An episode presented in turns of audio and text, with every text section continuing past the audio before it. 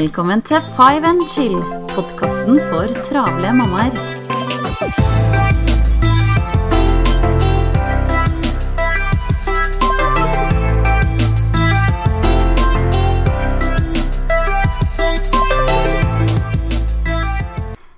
Hei og velkommen til en ny episode av Five and Chill. Janne her fra Travel mamma.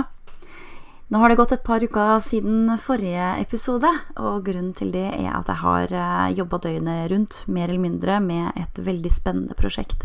Eh, jeg kan dessverre ikke dele helt hva det er enda, men om et par uker så lover jeg at da skal jeg dele det med dere.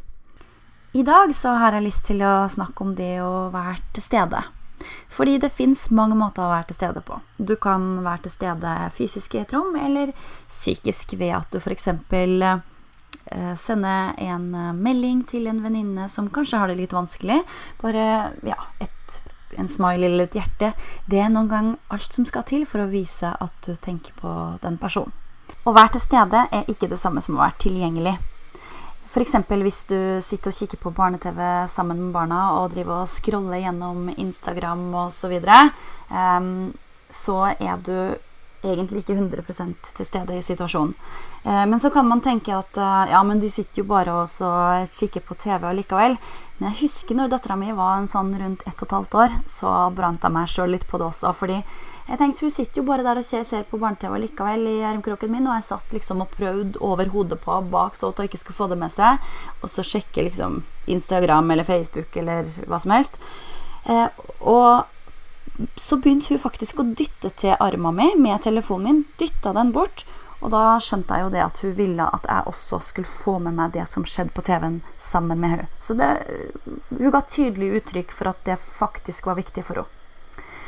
Men vi er i situasjoner hvor uh, vi er sammen med andre mennesker, og det tikker inn meldinger, og det vibrerer i lomma, nysgjerrigheten vekkes, og det er vanskelig å la telefonen bli liggende i lomma. Og idet du drar fram telefonen, så blir du dratt ut fra den mentale tilstedeværelsen som du befinner deg i, og fokuset flyttes over i det som skjer på telefonen.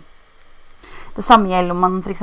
sitter og spiller spill med barna, eller spiser middag med familien, og så kverner morgendagens møte i bakhodet.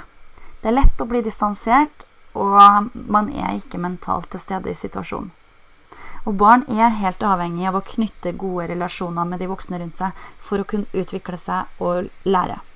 Eh, og I tillegg så er det med på å gjøre barna trygge, og de utvikler et godt selvbilde.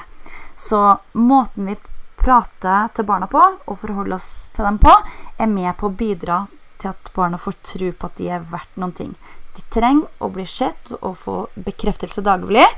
Og det er viktig at vi lytter til dem for at de skal kunne utvikle seg på riktig måte. Så er du mer bevisst på å være både mentalt og fysisk til stede og være i her og nå-situasjonen, så blir du mer avslappa, og både du og de rundt deg vil kunne nyte en rolig og hyggelig stund sammen, og alle vil få en bedre opplevelse. Og det er sånn vi òg skaper gode minner fra hverdagen som vi vil huske å se tilbake på. Det var det jeg hadde for i dag. Jeg ønsker deg en fortsatt herlig dag, og så høres vi igjen snart. Ha det bra!